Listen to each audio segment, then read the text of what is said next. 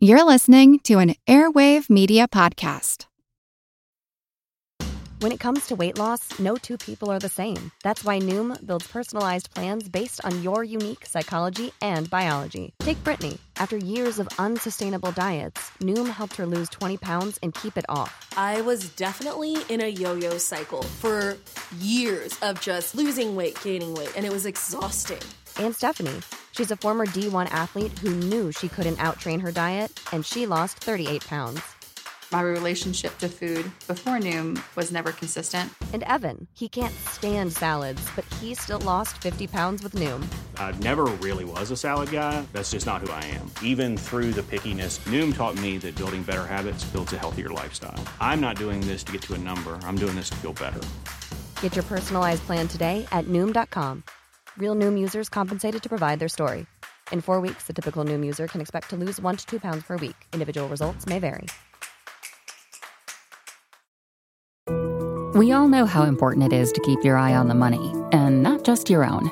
Stay on top of the latest financial and market news with Yahoo Finance, a podcast that releases new episodes almost every day. You'll hear a brief overview of the biggest news in the financial world, all in three minutes or less, right after markets close. Check out Yahoo Finance wherever you get your podcasts. That's Yahoo Finance wherever you get your podcasts. This is Kick Ass News. I'm Ben Mathis.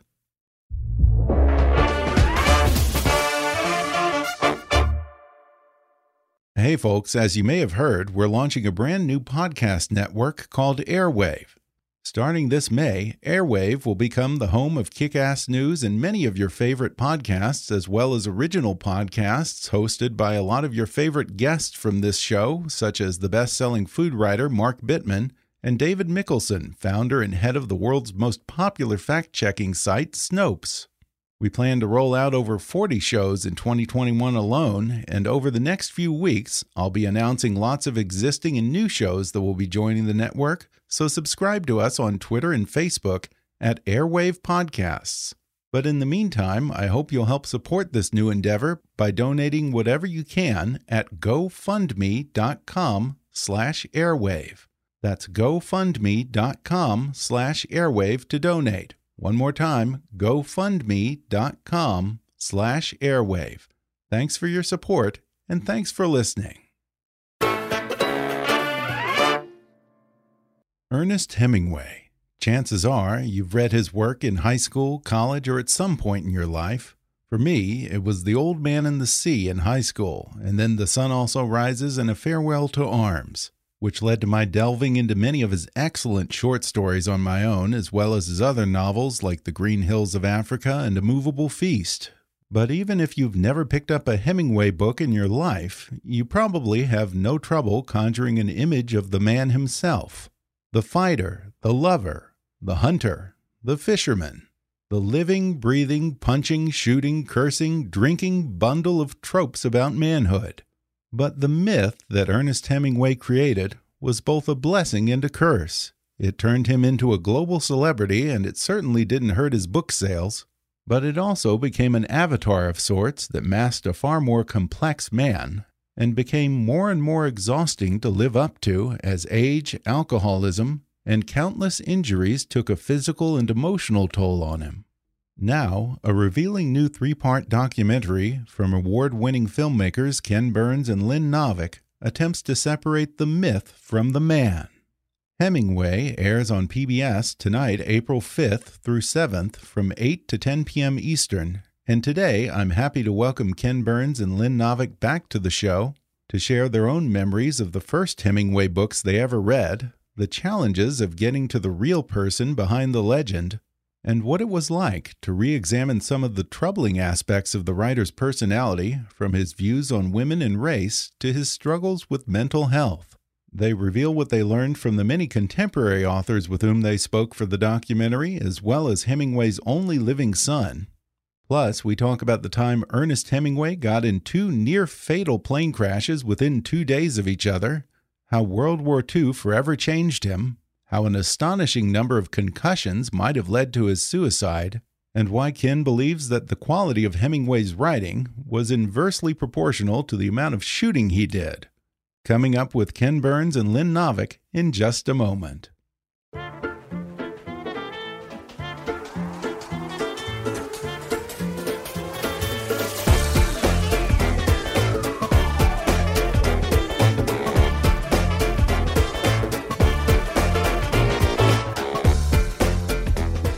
Today, I'm very happy to have Ken Burns and Lynn Novick back on the show.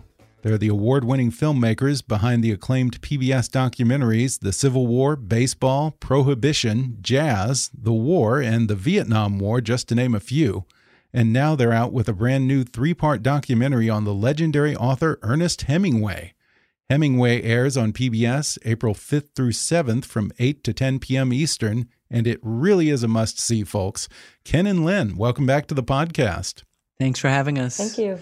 Well, what a fantastic documentary. And Hemingway is just such a fantastic subject for a documentary. I mean, he is an iconic figure, and just about every American has read at least one of his books or short stories at some point in their life. So I want to start by asking both of you what was the first Hemingway book that you ever read, and what were your first impressions of him? I started off when I was a teenager. Don't know how long, how old, 15 maybe. I read The mm. Killers, which is a short story. And then, of course, later on in high school, I read uh, The Old Man and the Sea. So that mm. was my baptism. But later on, when I was free of homework or quizzes the next week, I began to digest. Uh, uh, many of the other stories, but also the the sun also rises and um, and a farewell to arms. How about you, Lynn? Uh, yeah, for me, it really began with The Sun Also Rises, Hemingway's first novel mm-hmm. that I read in high school English class. And I remember thinking, oh, this is going to be hard. Hemingway is an important writer. It's probably going to be a lot of work. And it wasn't hard to read. It's a very easy, accessible, the language is, is right there and you can, you know, open the book and read it. But understanding what it's actually about was a bit more challenging. So I was very grateful to my English teacher for helping us unpack what was actually happening in the book because so much was going on below the surface but I was enthralled with the world and the characters and just everything that was in there. Yeah, I, I, believe for me it was the old man in the sea, and, and, it's interesting because you know reading it as a kid, you're just all into the adventure of it. But as I get older, really want to go back to it and and look at it from the perspective of someone who's thinking about aging and death and so forth. Well, the writer uh, Mario Vargas Llosa in our film says exactly that. That you read it uh, more as a young person as an adventure, but then you you see it as this metaphysical allegory, existential allegory. Mm-hmm. Uh, when you're older and your own mortality seems a little more imminent. And it occurs to me that Ernest Hemingway, I mean, he has to be a challenging subject for a documentarian because there is the hyper masculine icon Ernest Hemingway that's so ingrained in our popular imagination the hunter, the fisher, the lover, the fighter. And then there's this real human being. I wonder, how do you even begin to separate the myth from the reality of the man?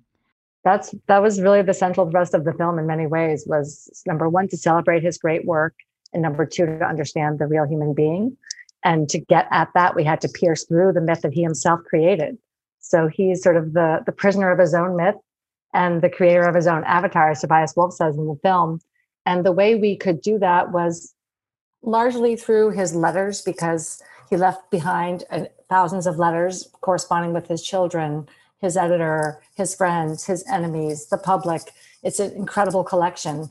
And you can really hear him speaking off the cuff, informally, not formal typed prose, but you know, just what he was feeling in that moment. And there are many, many moments. So he writes a letter to his parents from when he's overseas in World War One and has been wounded, telling them not to worry and you know then he writes love letters to each of the women that he was involved with at different times and nasty letters to people he was in a fight with and you know you just see the whole man through this ongoing correspondence and then looking for hints of who he was in his work you know which is always a, a task for many biographers to sort of see well things that he describes in fiction is he working through things that he went through or witnessed you know in his own life I think it's a deconstruction act, Ben. I think in some ways, you know, we talk all the time ad nauseum about our process being subtractive rather than additive. That is to say, we collect a lot of material and then are sort of like Hemingway himself in his own writing, sort of pulling away and pulling away. He said that, you know, writing his writing, he wanted to be like an iceberg with only an eighth showing and seven eighths submerged below. And the meaning was implied between the words, between the lines, uh, between the meaning of the words. And that is um, pretty interesting. And for us, it's the same thing. And I think for us, the, the real challenge was to take uh, what seems to be, uh, or at first blush, is a writer's inert activity and try to give it life and and and sort of movement. And that was was the the most difficult thing. I think we're pretty good at tolerating contradictions and delving into undertow and complexity in people where they're both things at once. So i think the um, the biggest thing for us is how to deconstruct literally not in any any kind of english literary way deconstruct his uh, this avatar that lynn was saying that uh, mm-hmm. tobias wolff used the the hyper masculine as you said sort of image of himself and find the much more vulnerable and at times it's possible despite all the horrific things he did and we hold his feet to the fire the person that you can feel some compassion for uh, yeah, and it really struck me when I was watching this film uh, just how utterly exhausting it must have been to be Ernest Hemingway. Because, like you said, there was this avatar that he created of himself that was impossible for any normal man to ever live up to. Was the legend a bit of a Frankenstein's monster that maybe he grew to regret and perhaps even resent over time? It certainly seems that way. Uh, it seems that he wants fame and celebrity and success and recognition and immortality. He wants to do great work and be remembered for it mm-hmm. and be influential and have a you know a place in the pantheon. He talks about comparing himself to Shakespeare and Tolstoy and you know the great great writers of all time. But he also created this persona as a way to both put himself out there and also to keep the world at bay and it became very very onerous is like a polite word an albatross you know yeah. to have to be that person. And i always when we were working on the film and thinking about you know the places that he tried to work and focus and, and do this quiet internal interior process of writing he had to have material to write about. So he would go out into the world and have these big adventures and come back and write about them. But he was always noticing the world around him and paying close attention to how people talked and what they wore and what they ate and you know how the flowers looked on the trees and just you know he was aware of everything. But when he became the center of attention and everyone's looking at him and he's the center of everything that's going on you sort of wonder how could he do that kind of work you know and and play yeah. that part at the same time yeah. And the simple answer is he couldn't, right? I mean, he begins to fail himself, both literarily, but I think more importantly, humanly.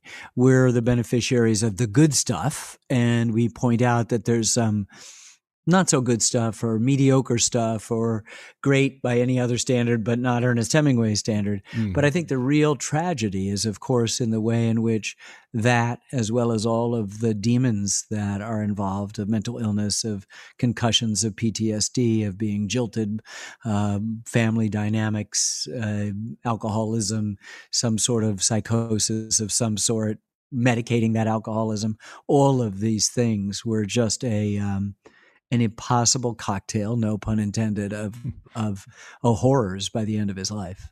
Uh, yeah, and one of the ways that this documentary gets to sort of the deeper truth of Hemingway is actually through the women in his life. And I found that yes. to be such a fascinating and revealing yes. window into the man. I mean, for all of the bravado and hype a wife or a partner always sees the man for who he is and calls him out on his BS. And you could almost divide the chapters in Hemingway's life and career by the women he was with at the time. Uh, talk a little about the influence of his four wives and his lovers, specifically on his life and his writing. Uh, yeah, we uh, Jeff Ward, the, the, wonderful writer who wrote our script, um, when he was working on the film, came to us and said, you know, the this is how we're going to organize the story around the relationships in his life. First, his mother and his sisters, the nurse who broke his heart in World War One, and then the four women that he married, among many other ancillary relationships as well. And through how he behaves with them, through the connections they find, through the ways those relationships fall apart, and his role in that, and his uh, way of explaining that to himself and to the world, you get an intimate look at this man, uh, um, as Ken was saying, a vulnerable and complicated and sensitive man who women were drawn to. There's no question. Yeah. You know, we, we hear that over and over again. He, he was never alone, not for one minute. he could have any one, you know, there was no shortage of women that wanted to be with him. And, and he loved the feeling of being in love. He loved the infatuation and the sort of the blush of romance. And he was always chasing after that. And that, that says a lot about who he was and kind of that thirst for experience. Well, Ken, I'm curious, was there ever one woman who you might consider to have been the love of his life? It, that is so hard, Ben. I think, as Edna said, I'll probably hide behind her since she's the superstar of the film, Edna O'Brien, the Irish writer, you know, that he enjoyed falling in love. I think it's the staying in love. It's the, mm-hmm. the not sabotaging it for new experiences, the, the frustration with the, um, woman in his life that he's in love with being too challenging for him, like, as Martha Gellhorn is, mm-hmm. too talented, unwilling to submit her life to his, to become a wholly owned subsidiary of him. And those who did, he was bored with. And so I think you might go back. Obviously, the mother is a central figure. They were at odds for a good deal of his teenage years, but she gave him a lot of not only his love of music and art, um, and and we could say set him on his way in that regard, just as his father gave him a love of nature, but also kind of um, was dragging him down with his own depression. The mother, with her over dramatizing self, this melodramatic uh, person, I think, obviously gave him attributes that would unfortunately stay with him the rest of his life. And you could make a total argument that the nurse that he fell in love with in in the hospital in Milan, he was severely injured uh, as an 18 year old, so PTSD has to be worked into here, and spent months in a hospital. He really thought he was going to marry Agnes, and she sent him what's the worst Dear John letter you could possibly get, as we show in the film. And uh, I think in some ways it made him. I don't want to say gun shy because he spent the rest of his life shooting guns uh, or writing about shooting guns, but it, it made him overly cautious and maybe suspicious and therefore kind of sabotaging of that. And so he's falling in love. First wife, wonderful, but leaves her. For second wife, wonderful, but kind of feels like maybe he's too dependent on her money. The life is getting too straight. Martha Gellhorn, great, beautiful, young, talented, exactly what I want, a kind of equal, but oh, I don't really want her to be equal. and then poor Mary at the end, who is herself a talented woman who has to subsume everything and, and does for the most part, and really is the uh, receiver of most of the verbal and apparently physical abuse. Uh, and at the same time, it's also in some ways the most fruitful relationship because he's working out, uh, I don't think, as he was able to do completely with the other wives, some of this curiosity about uh, gender fluidity that, that occupied him from uh, almost the beginning of his life. It's, it's pretty fascinating, but the women are, I think, an important way to sort of handle him. Let's just say the skeleton of the bone the bones of this story are the women uh, adorned with this very complicated monster angel you know regular complicated guy named ernest hemingway and I think there are a lot of people who believe that Hemingway was a misogynist. And certainly, as you already mentioned, he was verbally abusive and at times physically abusive. But then again, he was pretty much abusive to everyone in his life at one point or another. Listen, if you're if you're if you're if you're at all uh, verbally or physically abusive to a woman, if your characters mm -hmm. of mm-hmm. them in most stories are uh, one or two dimensional, then then I think it falls okay. into that.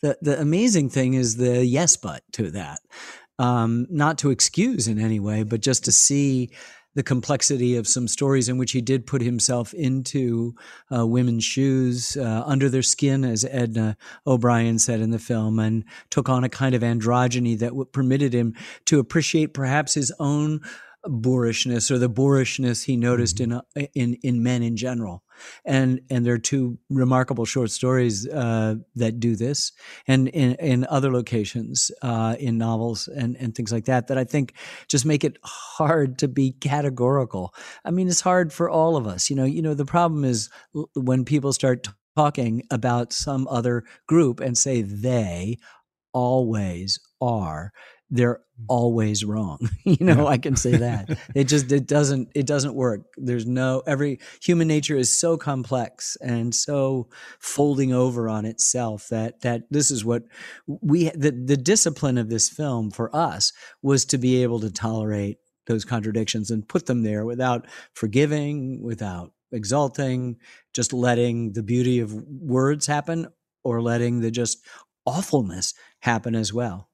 And this is such an interesting time to revisit the life and work of Ernest Hemingway in the wake of the Me Too movement and also Black Lives Matter, because he also said some pretty horribly racist things and repeatedly used the N word. I think many would also find his obsession with bullfighting and big game hunting problematic today.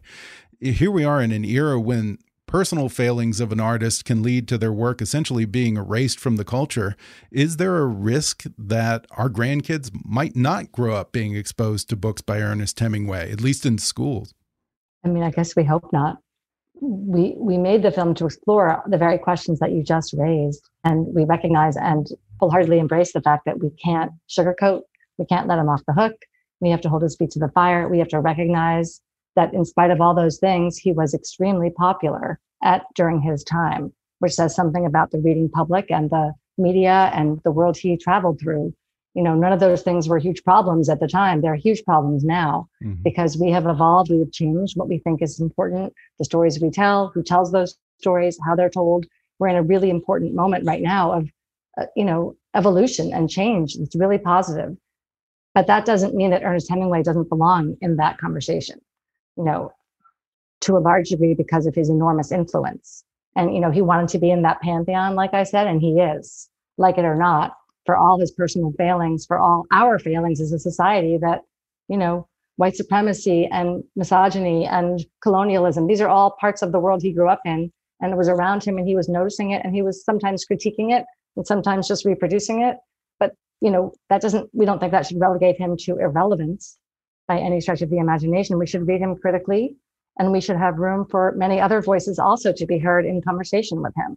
There's room. There's room. We're just you know there's not an on off switch you know there just there's room for him there's room for new and diverse voices it's really really important and you could just look at thomas jefferson you know this is the man who arguably, as someone said in our film about Thomas Jefferson uh, that I made in 1997, that he is arguably the man of the previous millennium from 1000 to 2000, because he distilled a century of Enlightenment thinking into one remarkable sentence, the second sentence of the Declaration, that begins We hold these truths to be self evident that all men are created equal.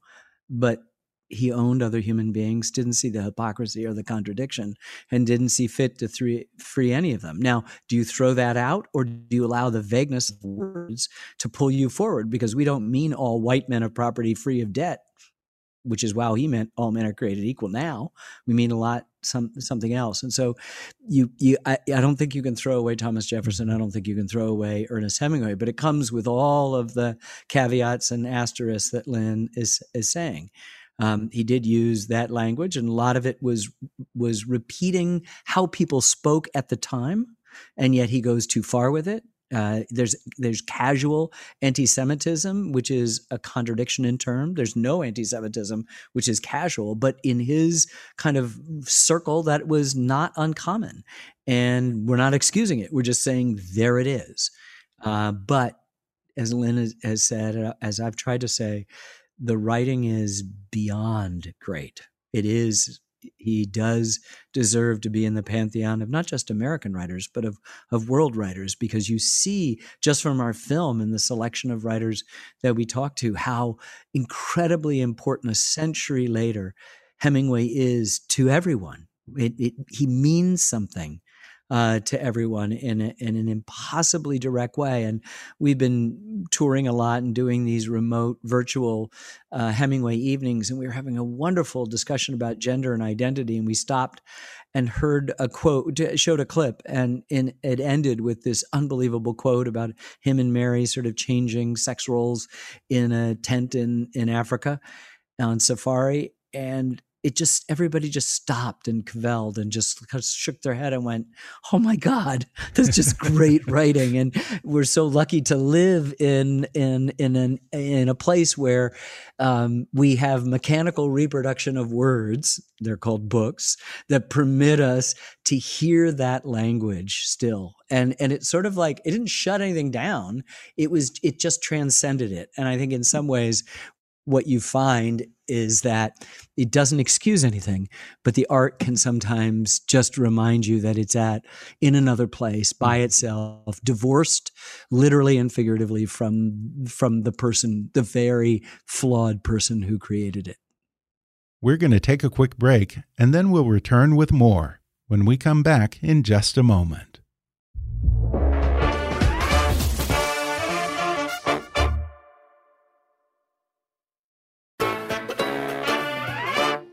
I think you must have talked to at least a dozen contemporary fiction authors purely from the perspective of a writer and his or her craft. What was the thing that they most admired about him? It's hard to boil that down because each of them came to his work from a different place where, you know, and what they were looking for in it. But um, in a sense, it is that craft, you know, the discipline and the capacity to work and rework and refine. And uh, several people spoke about what's not said, the omission and the, you know, leaving a lot for the reader to interpret. I think Abraham Verghese, the author of Cutting for Stone, a number of other works, who's also a physician, he said, you know, that each of us has a movie in our head about whatever work we're reading. And that was a really beautiful way of expressing that we each form personal relationships with books and with writers. And each of them have their own personal relationship with Hemingway, their own favorite works. Some of them love The Old Man in the Sea. Some of them don't like The Old Man in the Sea. Somebody loves For Whom the Bell Tolls and someone else thinks it's not worth reading or, you know, not his best work. So it was really wonderful to hear from Mario Vargas Llosa, like Ken was saying, Abraham Verghese, Tobias Wolff, Edna O'Brien, um, Tim, Tim O'Brien, who we've spoken to for our Vietnam series and is a lot to say about Hemingway, especially his obsession with mortality. Um, that they each, you know, you see from their relationship to Hemingway how we all relate to Hemingway, which is through who we are. You know, I'm reminded of a quote Anais Nin, I think, said, "We see the world as we are," and you know that that speaks to how we each are allowed, and hopefully in the film, but also just in life, to make our own minds up about each of these works and what, what they mean to us. It's music. I, I think the simple thing is, uh, however you come to it, whatever you like or don't like, and it's all completely okay to, to feel that way, to not like a certain story or novel, or to love this one when others may not think it is, is the music of his writing. I think everybody's attracted to the to the rhythm of how he wrote, and the spareness, as Lynn was saying earlier, what's unsaid, so that there's there's something. Um, incredibly musical when you mm-hmm. read it, uh, and and it it's it's captivating. It's really yeah. entrancing, and it it takes you into a new place and offers you new things and changes that world and maybe changes the way you see the world and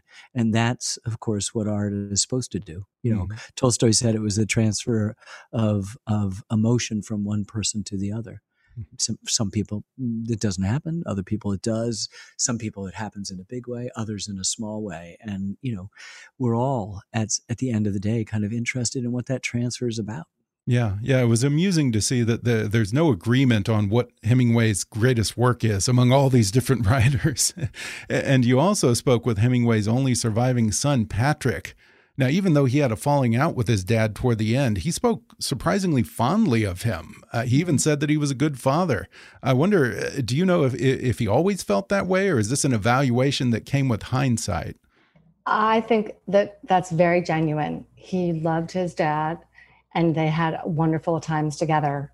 You know, especially when Hemingway would finish. He worked every morning from first light till lunchtime, and then they went off and had an adventure, and often the kids were included and that was you know he said often i was i just feel so lucky that i had such a special and unusual father. You know i wasn't a normal childhood but it had so much delight in it. And yet he's also very much aware of the difficulties that hemingway imposed on his family. Certainly the parents got divorced. That was painful but also he was tough on the kids. He was involved in his own life. And you know they had some very very difficult times as well. But one of the most moving stories that Patrick told was when he was very sick, he came down, he was tragically just uh, beset with a serious mental illness himself. And, you know, his father took care of him. He felt loved and he felt cared for, and he admires his dad for what he accomplished. And, you know, he wants people to know that it was complicated too. He, he was very open with us about wanting, he trusted us as filmmakers to take on this very complicated story and this complicated life and to you know, figure it out for ourselves what was important and let the chips fall where they may and they gave us complete access to the archive, which was uh, an incredible privilege. You know, I, I think that Michael Katakis says he was he a good father sometimes. Was he a loving husband sometimes? And I think what's so um, important about Patrick's contribution, which is singular in the film, uh, because he was there for a lot of it, is that you feel that sometimes. You know, you feel it in a good way, and then you feel it, of course, at the break in Africa. But before that, he's he's already, you know, uh, made him akin to the horrific Goya painting of Kronos eating his young. So right. he's basically sort of saying that we were fodder to be consumed for his his art. And I'm sure at times it felt like that because he was so self centered. He was so self involved. So clearly, uh, everything that was going on was material for his life. And as his own life begins to lose grip, he, he, he's struggling for purchase from mental illness or alcohol or concussions or whatever it might be. Um, the collateral damage is not going to be just the wives, it's going to be the proximate children as well, which is, of course, devastating but I think to, to Patrick's great credit, he trusted us to tell all of that story. So we have the break and the ruefulness of not seeing his father again. You have the de- devastating comment about Kronos, but you, you have this wonder of this strange, wonderful man who, as Lynn said at lunch, he's available to them you know, the way most dads are not for the rest of the day. And that's about as cool as it can get to play with pets or swim in the pool or go do an adventure or get on a boat and catch fish. And so you can see from the home movies just this, you know, the kids are in love with this larger than life person. Uh, and of course, all of them at different times are not in love with it. Yeah. They are um, they they have to endure the toxic byproduct of his greatness. In the time we have left, I want to talk about a few of the key moments in his life. We tend to associate Hemingway with the First World War and even the Spanish Civil War, but I was really surprised to learn that World War II had a much deeper and darker impact on him. Uh, which is funny because I don't really associate Hemingway with World War II that much. He didn't even come over until I think close to D Day. Uh, how did his experience in World War II influence him? You know, he didn't want to go. Um, he really he was done with war, as you said. He'd been in two wars, and he really was pretty beat up and, and not in great shape physically or mentally. And his third wife, Martha Gellhorn, was gung ho to go over there and cover the war and be part of it. And he didn't want to go, and she just went without him. And eventually he agreed to go reluctantly. And then when he got there, he had a car accident and a brain injury. And so, you know, he wasn't really at his best, but he did believe in the cause and he wanted to help the Allies win. And so it took on a very different kind of relationship experience for him than his other two wars, where he's more focused on how horrible war is and the terrible things it does to people. And in World War II, he was much more focused and understandably so in beating the Germans and getting the war over with. And he ended up, perhaps strangely, becoming a combatant against the Geneva yeah, Convention and sort of playing the part of the soldier in real life in a way that was um, illegal right illegal right. unnerving dangerous right just you know wow it's hard to even know what to say about that but but that's what happened. And and I think his, the quality of the work is in inverse proportion to the amount of shooting he's doing. So the best work is from World War One, where he's an ambulance driver, right. right? And and he's not a combatant, though he is right. severely wounded. And he produces two great novels about the war. One doesn't mention it, and the other one is all about it. And that's The Sun Also Rises and A Farewell to Arms. And then his fiction about uh, and his journalism about the Spanish Civil War is less, I believe. And then I think the worst writing he does is his his supposed World War II novel, right? Because it just mm-hmm. doesn't it, it doesn't connect because he did he was disconnecting. And as Lynn said, I mean, the second he picks up a submachine gun and starts firing in the Hurtgen forest, something is lost. He's not supposed to be doing that. The pen is mightier than the sword, and I refer you back to the sun also rises and a farewell to arms. And is World War II around the time when I suppose he went from being something of a functioning alcoholic to someone for whom alcohol really became a problem and interfered with the relationships, his health, even his work. Seems that way, yeah. I, I think I'm trying to think how old he was in his early 40s. Um, and um, he'd been a heavy drinker for at least 20 something years. And I remember when we talked to Pete Hamill for our film about prohibition, he had been drink, a drinker for a long time. And he said, You can only do this for 30 years and then your body can't do it anymore. So Hemingway was probably at the just physically the tail end of what a body can tolerate. And then the trauma, you know, the trauma he saw and the cumulative trauma of the multiple wars, and especially World War II um, in the Hurtgen Forest, like Ken was saying, a, a lot of death and destruction that really affected him. And in those days, a lot of soldiers came home and drank too much. Mm-hmm. So it's accumulation of a bunch of different things. Yeah, and speaking of all the concussions this man suffered, uh, you know, it would it would almost be laughable if it weren't so tragic. Just how many times this guy had brain injuries, uh, and one of the crazier stories that I had never heard before is, I guess when he was in Africa, I think in the fifties, within yes. two days he gets in two near two. fatal plane crashes back right. to back. Can you tell that story? Well, he just it it is it, it happened. You know, this bush plane crashes, a flock of birds go into it. They survive it miraculously and spend the night, and you know get a launch down to another place and take a plane which starts to explodes on the runway, the fuel tank, and so he everybody else gets out, but he's big, he's overweight, he drinks too much, and so he has to use his head as a battering ram and it's you know the uh, at this by this time it's like the ninth of nine concussions that we document. And any one of those and of course cumulatively all of them could have produced the CTE that could have produced depression or suicidal ideation or whatever it is let alone the history of family uh, illness let alone the alcoholism and the self-medication and traumas of PTSD in World War One and World War 2 mm-hmm. I mean, it's it's such a cornucopia of it's Bosch painting by the time you get to the end. Yeah, and one of the more amusing points in here, uh, I guess, after he survived those two plane crashes, he kind of amused himself in his hospital bed by reading all of his obituaries. And Can't make this all up. The papers. Yeah. Can't make this up. This is what Mark Twain yeah. wrote in in Tom Sawyer, right? Right, exactly. That, that they're lost. Becky yeah. and Huck and and and Tom are lost, and they sneak up into the um, the the balcony of the church to hear the eulogies. Right, and this is this is Twain, you know, one of great influences on Hemingway, and the other great American writer who is the most famous writer of the 19th century with the most famous writer of the 20th century. And the parallels, in this case, it happened happens to be true.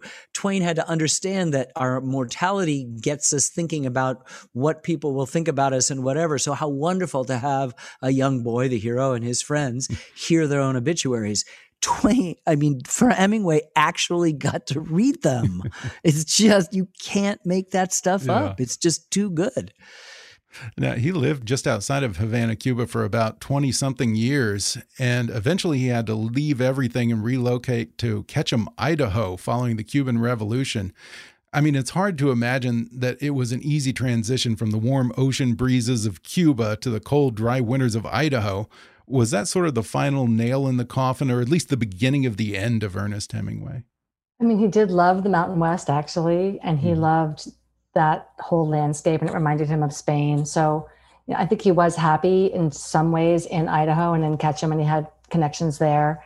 But his life in Cuba was very expansive and um, they had a beautiful home and he had many objects that were really meaningful to him there and they had friends and a whole life, a staff also.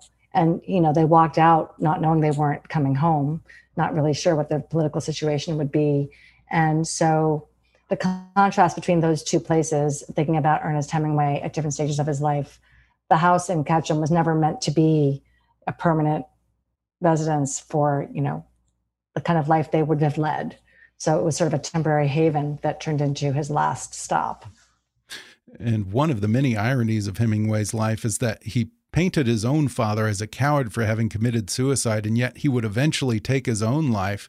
And certainly it sounds like there were warning warning signs there. He talked about suicide all the time, even demonstrated how he would do it in front of his friends. Even doctors were rather derelict in their duties to prevent him from self-harm.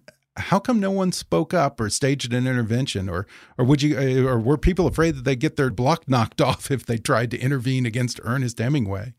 There there is a dark, dark side to celebrity, and mm-hmm. one of them is the free pass uh, they get not just with the medical profession, but with everybody. Ah, I'm having drinks with Ernest Hemingway. I'm over for dinner. Ernest Hemingway is my pal. We've been out on his boat. And I think if you combine that with the stigma then about mental illness and the inability even of a wife to be able to have the confidence to intervene or him to even to be able to accept a dynamic or a dimension of himself that required help for mental issues, um, you this is a terrible, terrible combination of things. And so, um, you know, as much as the outward stuff is denigrating the father for that, he's he's constantly thinking about it, and he's thinking about it before his father kills himself, and it it's a it's a unfortunately uh, something that ran through a lot of members of that family in that in that nuclear family and then in subsequent generations um, uh, mental illness. And so i think it's it's weighing on him. It's a monkey on his back. And one way is to make fun of it. I mean this is what hemingway does about a lot of things. One way is to try to see it as he does in his magnificent work. So it's not so easy to dismiss. You know he can he can denigrate the father in one way, say he's a coward, hate his mother, saying you drove father to do this.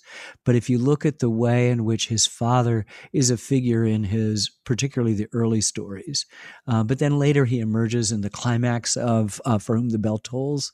Uh, he's he's very much alive, and so I think that that the ghost of his father, the idea of his father, the gift and love of his father, is present all the time. And it's it's too binary to sort of say you know he criticized his dad for taking the suicide way out, but he did it himself. The, these are pathologies that we can't hope to understand, but it's super important that if Lynn and I, you know, we don't have any message for the film, right? You know, we, we hope you will read more Hemingway. We hope you like the film, of course, but if there's a message, it's don't drink too much. And if you have mental health issues or suicidal ideation, there are telephone numbers which will be on the screen when the film is is broadcast and please seek help we're in a different yeah. age and this can be helped and that's that's the important thing you know her, ernest hemingway is a gift to us as complicated as tragic as monstrous as that gift is um, but it doesn't have to be that way for anybody yeah. else yeah, very well said. Well, I believe that this July is the 60th anniversary of his death. Um, looking back, how would you sum up the legacy of his work and of the man himself? The there is, if there is, a Mount Rushmore of writers, American writers, certainly. He's on it. Um, and what's important to understand is that as much as he deserves to have his edifice carved in some permanent stone to be placed in some pantheon of great writers, it's important too to understand that there's a human being there and a deeply flawed, vulnerable, anxious, worried human being, despite the the at least superficial mask that he put up of that masculine bravado. I think that's it. But you know, the story is interesting. The work is even more interesting. Yeah. And I, I would just say, Lynn and I, as filmmakers, are great believers in the book as the greatest mechanical invention. Yeah. And so we just say, you know, read more books you know, if Hemingway makes you read Hemingway, fabulous. If Hemingway makes you read anything but Hemingway, that's okay too. Absolutely. Well, Hemingway airs on PBS April 5th through 7th from 8 to 10 p.m. Eastern. Ken Burns and Lynn Novick, congratulations on the film and thanks again for talking with me. Thank you. Thank you so much. Thank you, Ben. Good to see you. Thanks again to Lynn Novick and Ken Burns for coming on the show. Hemingway airs on PBS April 5th through 7th from 8 to 10 p.m. Eastern. Learn more at pbs.org and follow the filmmakers on Twitter at, at Ken Burns and at Lynn Novick. If you enjoyed today's podcast, be sure to subscribe to us on Apple Podcasts and rate and review us while you're there. Five star ratings and detailed reviews are one of the best ways for new listeners to discover the show. You can also follow us on Facebook or on Twitter at, at KickassNewsPod and recommend us to your friends on your social media. For more fun stuff, visit kickassnews.com, and I welcome your comments, questions, and suggestions at comments at kickassnews.com. For now, I'm Ben Mathis, and thanks for listening to Kickass News.